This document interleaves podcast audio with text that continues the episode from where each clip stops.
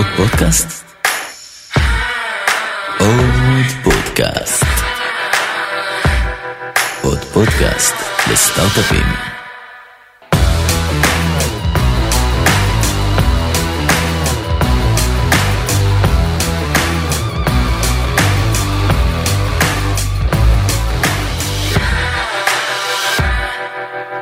ברוכים הבאים לעונת המאסטרים של עוד פודקאסט ל product, שבה נדבר עם האנשים שגורמים למוצרים שיזמים חולמים עליהם להפוך למציאות.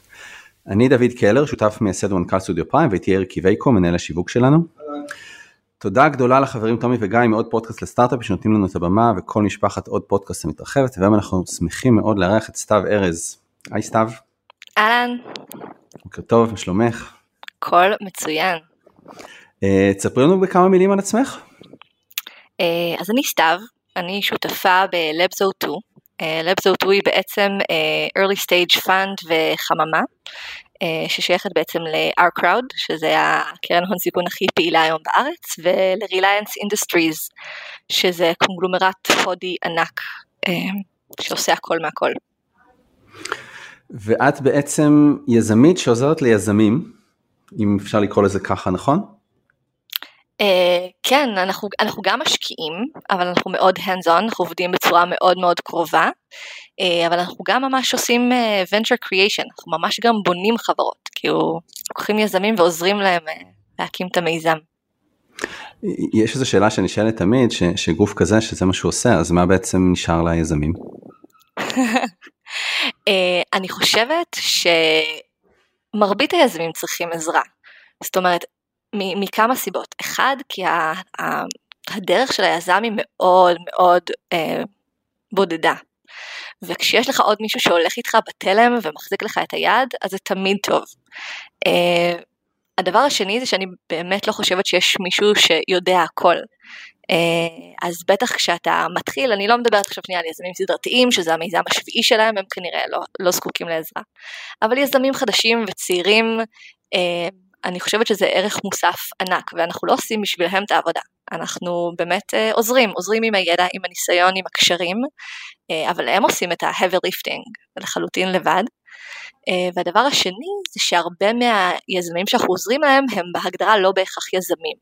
זאת אומרת, הרבה מהדברים הם uh, מחקרים שיוצאים מהאקדמיה, חוקרים שלא מעוניינים להיות יזמים. Um, יש להם טכנולוגיה פורצת דרך שיכולה להשפיע על העולם, אבל הם מעוניינים להמשיך לחקור, ואז בעצם אנחנו לוקחים לפחות בהתחלה אולי את הצד היותר יזמי, ואז מביאים יזמים שבעצם אה, ייקחו את זה הלאה. אז בעצם אתם לוקחים אנשים שלא רוצים להיות יזמים ואומרים אנחנו, בוא, בואו תהיו קצת בכל זאת. כן, אני חושבת שבאיזשהו מקום חוקרים זה סוג של יזמים. אה, פשוט אולי לא בהגדרה הרגילה שאנחנו, אה, שאנחנו קוראים להם. אבל, אבל מה זה חוקר? מה זה חוקר באקדמיה? זה בן אדם שלוקח תחום ש... אולי ממציא תחום שלא היה לפני, או לוקח תחום שכן מוכר, אבל יורד לעומק ומגלה משהו שאף אחד לא גילה לפניו, זה בעצם המהות של יזמות. מדהים. אז אנחנו תכף ככה ניגש לדבר יותר על Labs 02 ועל התפקיד שלך שם ועל כל התהליך שאתם עושים עם הסטארט-אפים ש... אה, שאיתם אתם עובדים. אבל נשמח ככה שרגע נרוץ אחורה אה, לתחילת הקריירה שלך ו, אה, ורגע נדבר על איך בעצם זה, זה הביא אותך למקום שאת נמצאת בו עכשיו. אה, ובעצם את התחלת את ה... נקרא לזה מערכת היחסים שלך עם, עם סטארט-אפים וטכנולוגיה, עם ההקמה של סיפטק. כן, וואי, הייתי קלולס לגמרי. היום ברפרספקטיבה אני מסתכלת על זה ואני אומרת, אני קצת בשוק שמישהו לקח אותי ברצינות. אז איך בעצם בשנת, אה, זה היה ב-2012 נכון? כן. איך ב-2012 את קמה בבוקר עם השותפה שלך ואתן אומרות, אוקיי, זה מה שאנחנו עכשיו הולכות לעשות, כאילו מה היה בכלל הרקע לדבר הזה? הרקע היה שבעצם אה, עבדתי בתל אביב, סליחה, כן, עבדתי בתל אביב וגרתי בתל אביב ולמדתי באוניברסיטה העברית בירושלים.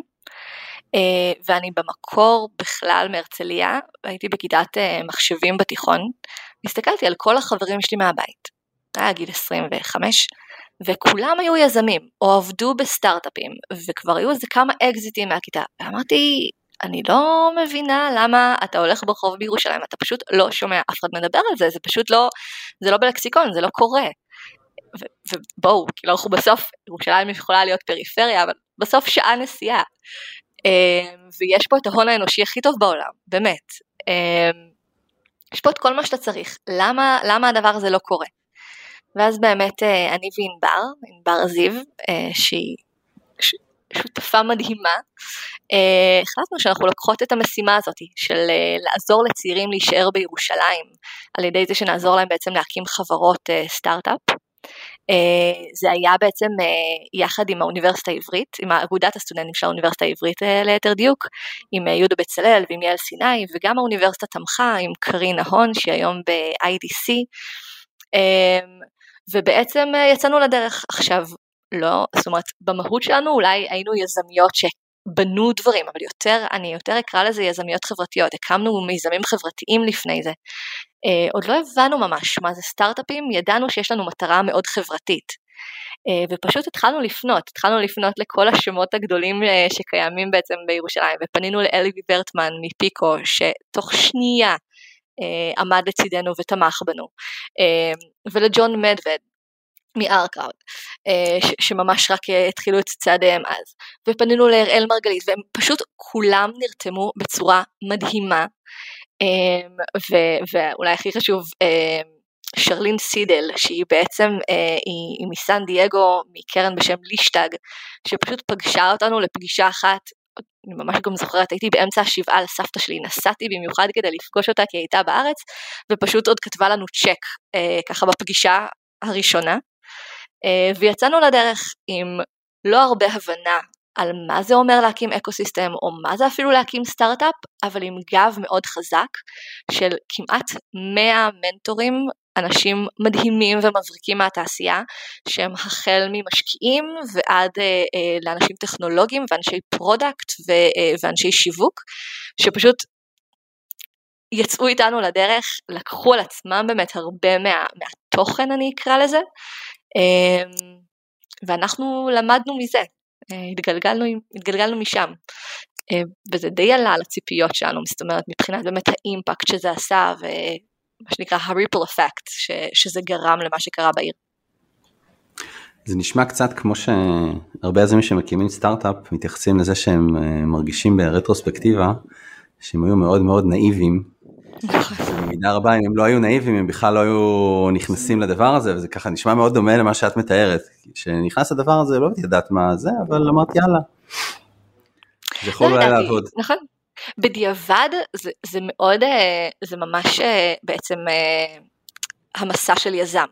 החל מהעובדה שהיינו צריכות ללכת לגייס כסף אה, ודרך העובדה שהיינו צריכות לגייס לקוחות אה, ולגייס design partners לצורך העניין, זאת אומרת הלקוחות אולי היו היזמים והdesign partners היו אה, כל המנטורים שליוו אותנו ונתנו לנו בעצם מהידע והחזיקו לנו את היד, זאת אומרת באיזשהו מקום זה, זה מצחיק אבל זה מאוד, מאוד התהליך שיזם היום עובר כשהוא מנסה להקים משהו מאפס. ובעצם את מסיימת את התפקיד בסיפטק ואת עובדת תפקיד עוד יותר uh, מאתגר במאורות הבירוקרטיה של uh, הרשות לפיתוח ירושלים, uh, שהוא גוף שהוא גם שייך לעירייה וגם גוף ממשלתי ומיושן והכל, ו, ובעצם שם את מנסה אה, לעשות בעצם אה, מה? אז חשוב להגיד, היה לי נורא נורא קשה לעזוב את ספתח, ספטק, כי זה היה ה baby שלי, והוא הלך ממש טוב, והוא יצר impact, וראיתי את זה מול העיניים, כשאני בכלל, כשהקמנו את זה, אני, אני וענבר מאוד הכנו את עצמנו לעובדה שלא בטוח שאנחנו נצליח לראות בשנים הקרובות בכלל את, ה, את התוצאות או את ה impact של מה שאנחנו עושות, אבל זה קרה מאוד מאוד מהר. אמ, וכשיצאנו אה, לדרך, אז אני ממש זוכרת שבאנו אה, לראש העיר, לניר ברקת, וסיפרנו לו על מה אנחנו רוצות לעשות, וניר היה מאוד סקפטי בהתחלה.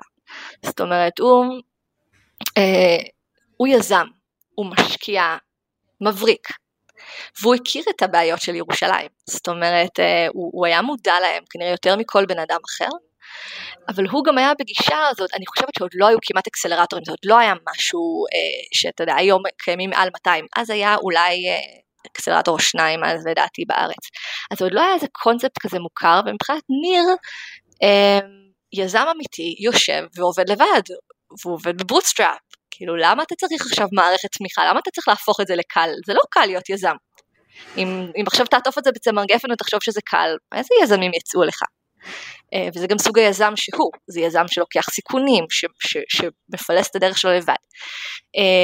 וכיבדנו את זה באמת, ואז התחלנו בלי העירייה. ומה שקרה בעצם זה ששנה וקצת אחר כך, בגלל שראו את האימפקט, ניר נהיה התומך הכי גדול והכי נלהב באמת אה, של הסיפור הזה של סטארט-אפים והייטק בירושלים, אה, וגם הוא הייתה לו את ההבנה ואת היכולת לקדם את זה, אה, והוא יחד עם איציק עוזר שמנהל את כל הפיתוח העסקי של הרשות לפיתוח ירושלים, שהוא גם איש חזון מדהים, הם בעצם הבינו שהם, שהם רוצים עכשיו שיהיה מיזם ייעודי שיסתכל לא רק על עכשיו אה, בקטן יחסית את מה שאנחנו עשינו, אלא שיסתכל על זה בראייה באמת יותר רחבה אה, של מוניציפלי, של ממשלה, של איך אתה בכלל בונה אה, תוכנית לפיתוח כלכלי אזורי באמצעות יזמות וסטארט-אפים.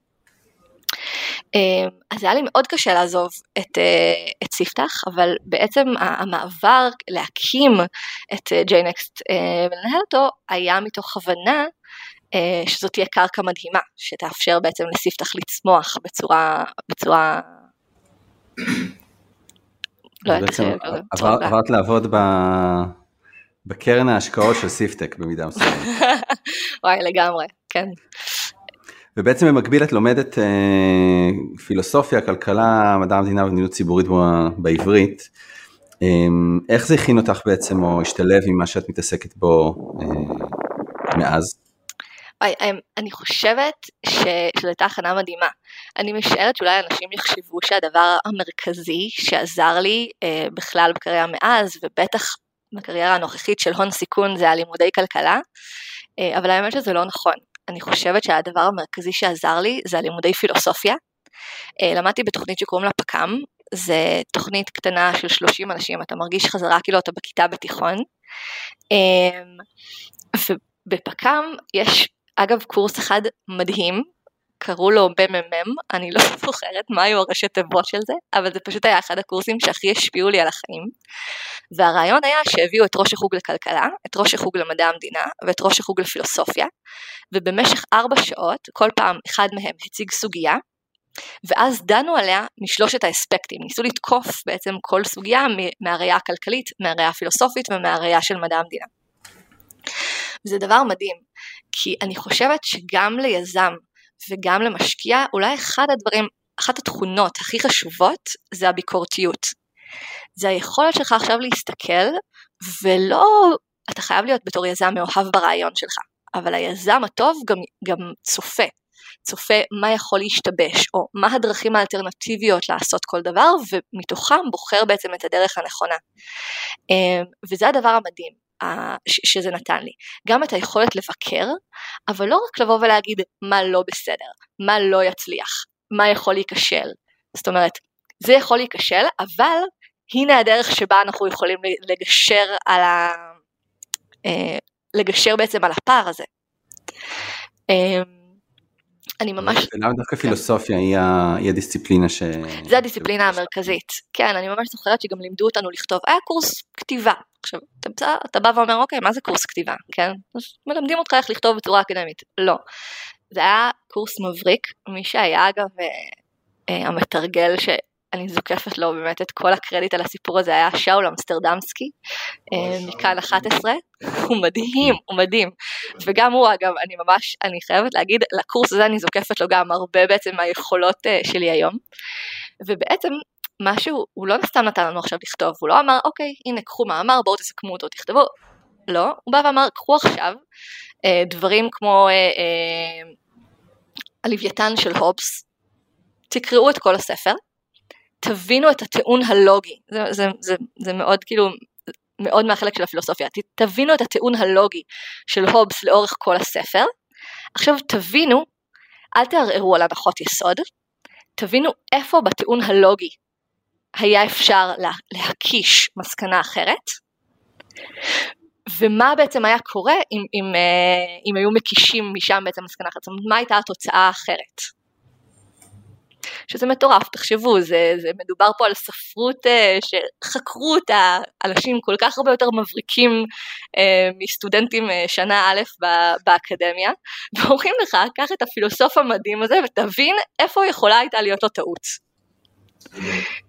Um, וזה מדהים, החש... זה, זה, שוב, זה החשיבה הביקורתית הזאת מצד אחד גם על דברים שנראים שהם flawless, אבל גם um, לאן זה יכול לקחת אותך, זאת אומרת מה האלטרנטיבות, והאם האלטרנטיבה הזאת היא אולי אפילו יותר טובה לך, זאת אומרת זה, זה מין מפתח את ההבנה הזאת שאין דרך אחת, תמיד יש כמה דרכים לעשות משהו, בוא תסתכל עליהם ובוא תבחר את מה ש...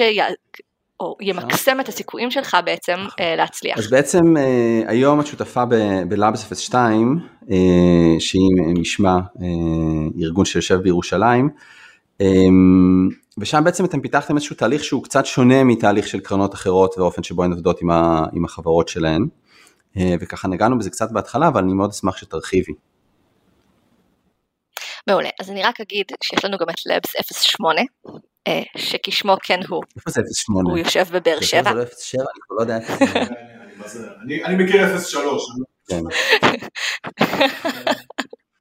אז 08 זה בבאר שבע, אה, ולמעשה אז באמת יש לנו שני ברנצ'ס, אה, שני סניפים. אז אנחנו עושים שני דברים. אנחנו גם משקיעים בחברות שיש להן איזושהי חדשנות טכנולוגית, אבל שבאמת באות אלינו כבר כצוות, ואנחנו רואים את הפוטנציאל, ואנחנו מבינים גם את הערך המוסף שלנו יש לתת לחברה, ומשקיעים. אה, אבל באמת הדבר השני, זה נגיד שליש בערך מחברות הפורטפוליו שלנו, אה, זה דברים שאנחנו מוציאים מהאקדמיה, זה ממש venture creation, זאת אומרת אנחנו יושבים עם חוקרים, מבינים את המחקרים, ממש עובדים איתם תקופה מאוד ארוכה להבין לאן אפשר לקחת את, ה, את המחקר הזה ברמת השוק, ב, אה, ברמת הצורך, ממש מביאים את התעשייה פנימה לתוך התהליך, אה, ואז בעצם ממש עוזרים לבנות את הצוות ולהקים את החברה ויוצאים לדרך. יש דוגמאות שאת יכולה לתת נגיד על חברות קונקרטיות שאתם עשיתם איתן תהליך כזה. אה, ואפשר לדבר עליהן או על המחקרים שלהן? כן, אז אני חושבת שאחת הדוגמאות אה, אה, הטובות זה קוונטל-R, שזו חברה שעושה הצפנה קוונטית, QKD למעשה, Quantum Key Distribution.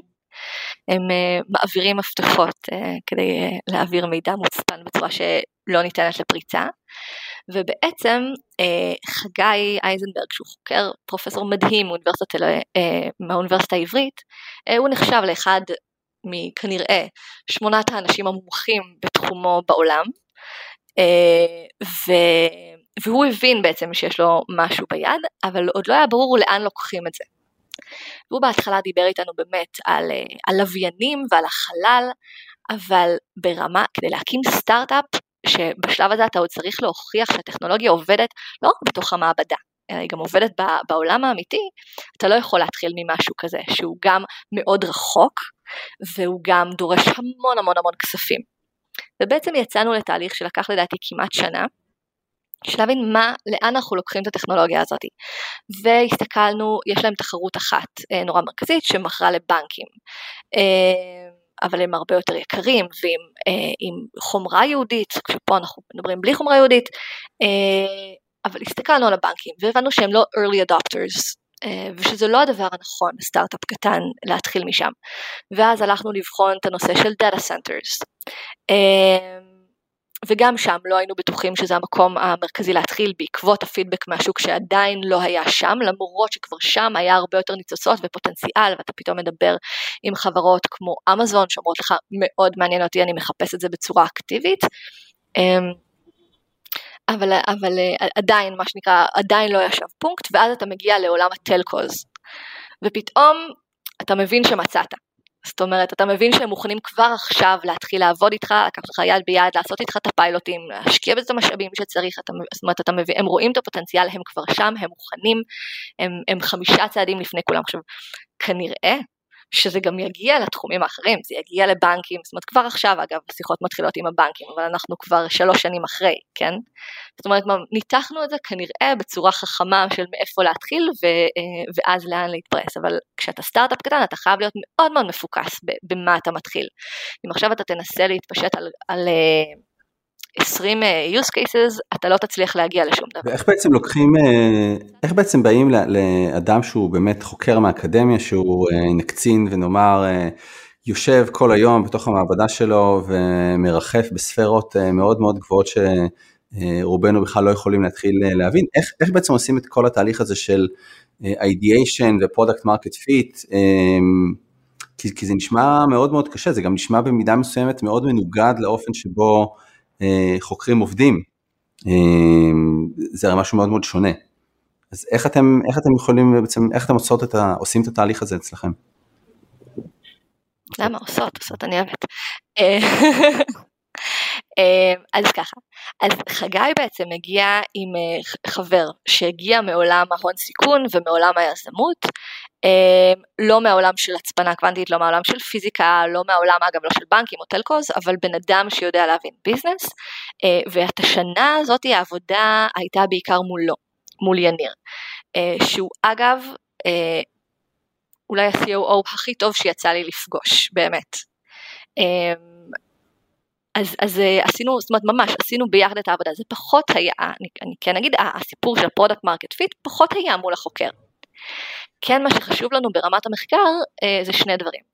אחד, אה, היה לנו מאוד חשוב וחגי לקח בעצם שנת שבתון ברגע שבעצם עשינו את ההשקעה, אה, כדי שבשנה הראשונה לפחות וגם היום הוא 20% בחברה, שבשנה הראשונה זה כל מה שהוא יעשה. זאת אומרת הוא יתעסק עכשיו בלהוכיח שאת הטכנולוגיה הזאת אפשר להוציא מתוך המעבדה. זה היה קריטי. הדבר השני זה בעצם שה-CTO של החברה, זאת אומרת חגי נשאר חוקר, נשאר פרופסור, אבל שה-CTO של החברה, מי שעכשיו צריך אה, לקחת קדימה את הטכנולוגיה עצמה, יהיה מישהו שחגי הכשיר. זאת אומרת בעדיפות רבה, מישהו שעשה אצלו את הדוקטורט ויצא וכבר יש לו היכרות עם התעשייה. אה, ובאמת חגי הלך וגייס את אה, ניצן, שהוא, אה, שעשה אצלו דוקטורט ואחר כך יצא אה, יצא אה, לתעשייה ועבד בחברות כמו אינטל אה, והוא הביא אותו ממש אה, יחסית אני חושבת כמה חודשים לתחילת, ה, לתחילת ה, העבודה איתנו עוד על ה product market fit, זאת אומרת עוד לפני שעשינו את ההשקעה, עוד לפני ש, ש, שממש קמה החברה ופתאום זה מתחיל להתגבש. ואז אחרי שסיימנו בעצם את השלב של להוכיח את היכולות הטכנולוגיות, זאת אומרת רגע שנייה, השלב הראשון היה שבאמת הבאנו, דיברנו עם עשרות אנשים מהתעשייה, פשוט הבאנו את כולם לשולחן כדי להבין מאיפה אנחנו מתחילים, ואחרי שבעצם אה, היו לנו אה, שותפים, ממש כדיזיין פרטנר לצאת לדרך, הקמנו את החברה, השנה הראשונה התעסקה בעיקר בלהוכיח שיש את היכולת אה, להוציא את, ה, את הסיפור הזה מהמעבדה, ואז לקראת בעצם המקום שבו היה צריך להתחיל לגייס כסף, אה, התחלנו באמת יחד עם, ה, יחד עם החברה, ומי שהוביל את זה זה, זה יניר, אה, התחלנו בעצם אה, לעשות חיפוש של מנכ"ל.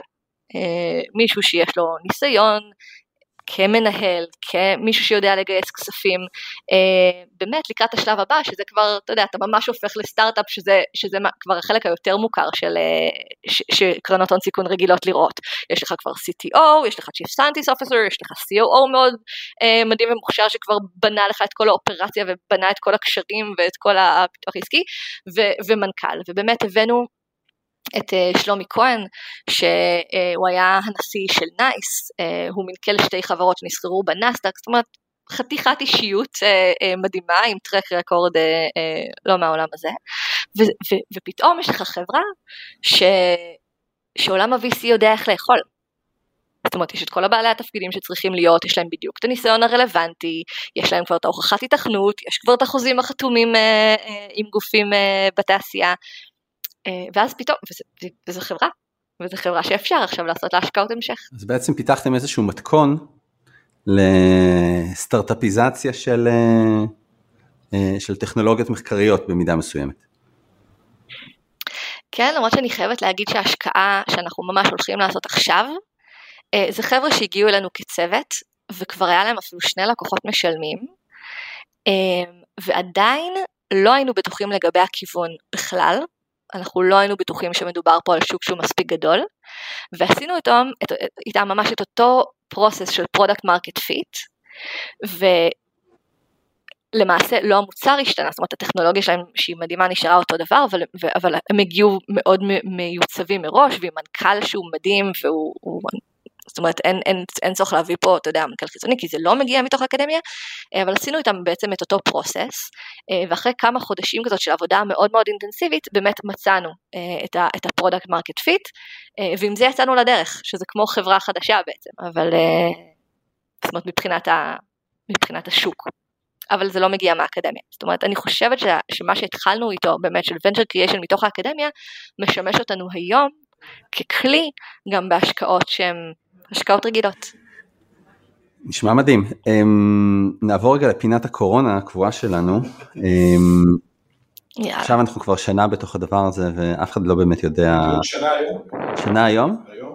חגיגה, איזה כיף.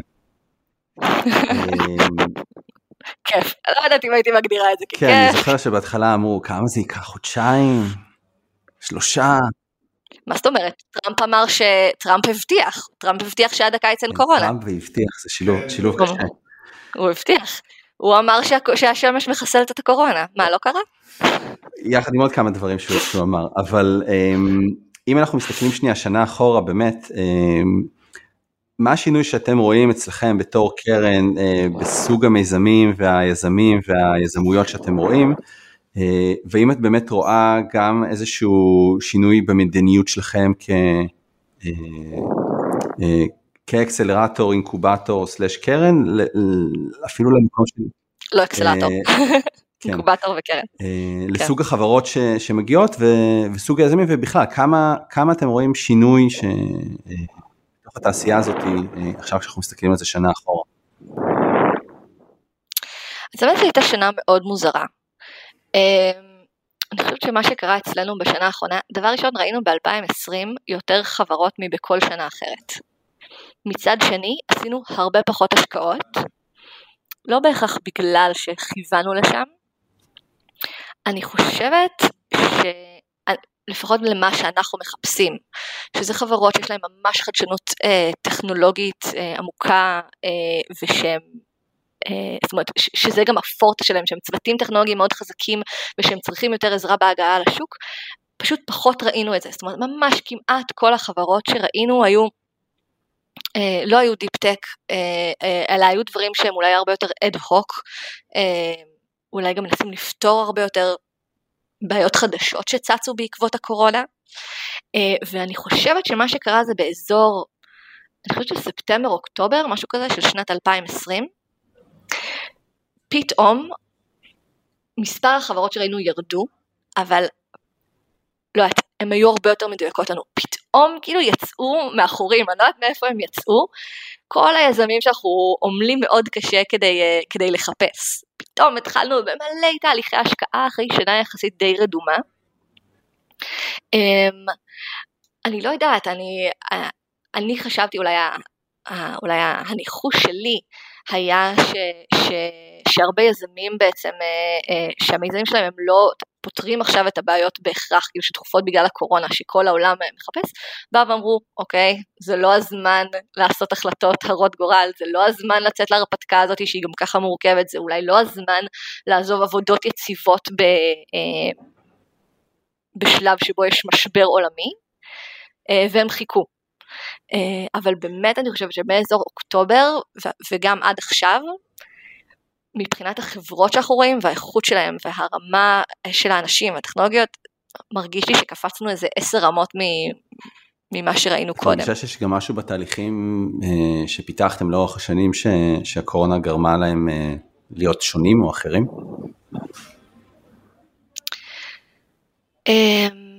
אני חושבת האמת שזה נעשה טיפה יותר פשוט. אה, בגלל שכולם עברו לזום, וחלק מאוד גדול מהעבודה שלנו אה, בתור קרן שבאמת אנחנו משקיעים, צריך להגיד את זה רגע, אנחנו משקיעים בשלב שבו פחות או יותר מה שיש זה רעיון או מחקר, זאת אומרת, או משהו שמסתמך על ניסיון קודם שהוא בעיקרו טכנולוגי. אה, והחלק הנורא נורא גדול של העבודה שלנו, בניגוד לקרנות אחרות שהן בשלבים יותר מאוחרים, שהרבה מתוך זה זה, זה, זה עניינים כלכליים, אנליזות כלכליות ולבחון את הטרקשן, דברים כאלה. אצלנו אנחנו משקיעים בשלב כל כך מוקדם שאנחנו בוחנים למעשה שלושה דברים מרכזיים. אנחנו מסתכלים על הצוות, גם על היחסים ביניהם, אבל גם על היכולות שלהם לדלבר את מה שהם, את, את מה שהם מדברים עליו. אנחנו מסתכלים על, הת, על החדשנות הטכנולוגית, ואנחנו מסתכלים על הצורך. האם הם פותרים צורך אמיתי, שהוא must have, ולא משהו שהוא nice to have. זאת אומרת, האם הם הולכים ממש לעשות disruption. והחלק הזה, אנחנו בודקים אותו באמצעות התעשייה. אה, ולרוב זה מולטי-נשיונלס, ובזה אנחנו חייבים להגיד, אנחנו נעזרים המון ברשת המטורפת של OurCrowd, שזה, אני לא חושבת שיש לזה אח ורע בעולם מבחינת כמות הקשרים העסקיים אה, שיש לקרן הזאתי. אה, וכשכולם עובדים פתאום בזום והם נורא מורגלים, אז הרבה יותר קל לך להשיג אותם, זאת אומרת, אה, אם גם פעם הם היו עונים, אבל היה, היה להם יותר קשה, אני חושבת, בין המון המון פגישות שהם face to face, פתאום אה, אה, לקבוע איזה שיחת זום עם ישראל, כי בסוף מי אנחנו, איזה פלסטינה, אז פתאום זה משהו ש... אנחנו בשורה אחת, זאת אומרת עם כל בן אדם אחר שהם קובעים פגישה, גם הפגישות נהיו הרבה יותר יעילות. אתה לא צריך, כשאתה לא צריך להגיע face to face, אז פתאום פגישות שפעם היו נמשכות שעה, נמשכות לך היום חצי שעה כי סיימת את מה שרצית, ואין לך בעיה פשוט ללחוץ end על הזום. כן, אז, אז פתאום קיבלנו תגובות הרבה יותר מהר, הפגישות נקבעו לטווח זמנים הרבה יותר קצר, זאת אומרת ברמה שכבר באותו שבוע הרבה פעמים יכולנו, כבר יכולנו לעלות לשיחה עם, אה, עם כל מולטינשיונל שאתם יכולים לחלום עליו פחות או יותר ולקבל את הפידבק אה, על האם זה רלוונטי או לא רלוונטי. אז מהבחינה הזאת אני חושבת שהקורונה באמת מאוד האיצה את התהליכים שלנו, אה, של להבין, של ממש לחדד ולהבין את הצורך. סתיו ככה שאלה אחרונה לפני שנסיים. מה הטיפ שלך למי שיש לו רעיון או מחקר ואולי גם איזושהי התחלה של צוות ו... אה, וחושב על להפוך את הדבר הזה להיות אה, חברה או סטארט-אפ או ביזנס מאיזשהו סוג, אה, מה את חושבת שנכון לעשות בתור התחלה? אני חושבת שאחד הדברים החשובים זה לפני שמתחילים באמת לכתוב את השורת קוד הראשונה, זה ללכת לדבר עם השטח. עכשיו, כשאני מדברת על השטח זה לא ללכת לדבר עם חברים שלנו, ש... שיגידו לנו מה הם חושבים, לא משנה אם הם בתחום שבו אתם מתעסקים. כי חברים מטבעם הם אנשים חברים. טובים ונחמדים, כן, והם יגידו לנו, גם אם יש להם איזושהי ביקורת, הם, הם אולי יעדנו אותה ואתה לא. אתה צריך לשמוע ממש את, ה, אמ, את האמת לאמיתה, אה, בצורה הכי הכי אה, raw שלה. Um, עכשיו אני כן חושבת, אני כן אגיד שמהניסיון שלנו זה, זה, זה, זה לא פשוט ליזמים, זאת אומרת אחד הרבה יותר קשה להם להשיג את הפגישות האלה עם המולטינשיונלס, גם כשאתה, כשאתה בתור יזם מנסה לפנות לאיזה MNC אז קודם כל אם, אם אתה מאוד early stage לא בטוח שהם יענו לך, אבל הדבר השני זה שאתה תעלה לשיחה והם יהיו בטוחים שאתה מנסה למכור להם. Uh, בעוד שכשאני פונה אליהם ואני אומרת להם אני אני, שיטת החנופה אגב תמיד עובדת, זה אני לא מבינה בזה שום דבר, אתם המומחים הגדולים, אני רוצה לדעת מה אתם חושבים, אני, אני, אני אקבל החלטה של להשקיע על מה שאתם הולכים להגיד לי. עכשיו, תחשבו שנייה רגע על בן אדם שהוא בסוף מנהל בארגון גדול וענק והוא עושה את העבודה שלו והוא מת עליה, כן? אבל הסיפור הזה של השקעות נשמע לו סופר סקסי ומעניין ופתאום יש לו יכולת מין כזה לקחת חלק בתוך התהליך הזה, אז זה נורא מרגש אותו. אז הוא, הוא, הם נכנסים לזה, הם ממש נכנסים לזה, הם משקיעים בזה זמן, הם קוראים את החומר, הם כאילו נותנים לי פידבק נורא נורא מפורט. אז ברור לי שלי זה יותר קל מאשר ליזם שהולך לנסות לקבל את זה בעצמו, אבל עדיין אני חושבת שזה נורא נורא חשוב לעשות את הניסיון הזה. אמ, וגם בשיחה, מאוד שזה יהיה במוח, שאתם מבהירים להם, אני לא מוכר לכם שום דבר. אני, אני באתי לקבל את הפידבק הכי כנה שלכם, תקטלו אותי גם מה שאתם רוצים. אני, עזבו, עוד אין לי שום דבר מוכן, גם אם רציתי אני עדיין לא יכול למכור לכם בהכרח. זאת אומרת, אה, באמת לנסות את מה שאולי למשקיעים שהפוטנציאלים שלכם, אולי באמת והם יעזרו לכם לזה, אולי זה יבוא יותר בקלות, אבל לנסות גם את ה, את ה, לעשות את וורק הזה בעצמכם עד כמה שניתן. זאת אומרת, להגיע באמת עם, בטח בשלבים המוקדמים שאני מדברת עליהם, אולי זה הדבר הכי חשוב, הוולידציה הזאת אה, מהשוק. והוולידציה הזאת זה לא מספיק שלקוח פוטנציאלי בא ואומר לכם, אני, ברגע שתשחררו את זה אני בפנים. זה לא מספיק, כי זה לא מחזיק מים. זה משהו שהרבה יותר קל להם להגיד ליזם. צריך לנסות להוציא מהם קצת יותר בשר. למה הדבר הזה חשוב לך? האם ניסית, אה, אה, האם השקעת משאבים בארגון שלכם כדי לנסות לפתור את הבעיה הזאת? אם לא השקעת משאבים, למה? האם זה לא באמת כזה חשוב? אה, זאת אומרת, באמת לנסות להוציא מהם תשובות שהן מעבר לכן כן אני הייתי משתמש, אלא לנסות לרדת טיפה יותר לעומק ללמה היית משתמש. סתיו, תודה רבה. שמחנו מאוד לארח אותך. בשמחה. ו... גם לי היה כיף. 呵呵呵。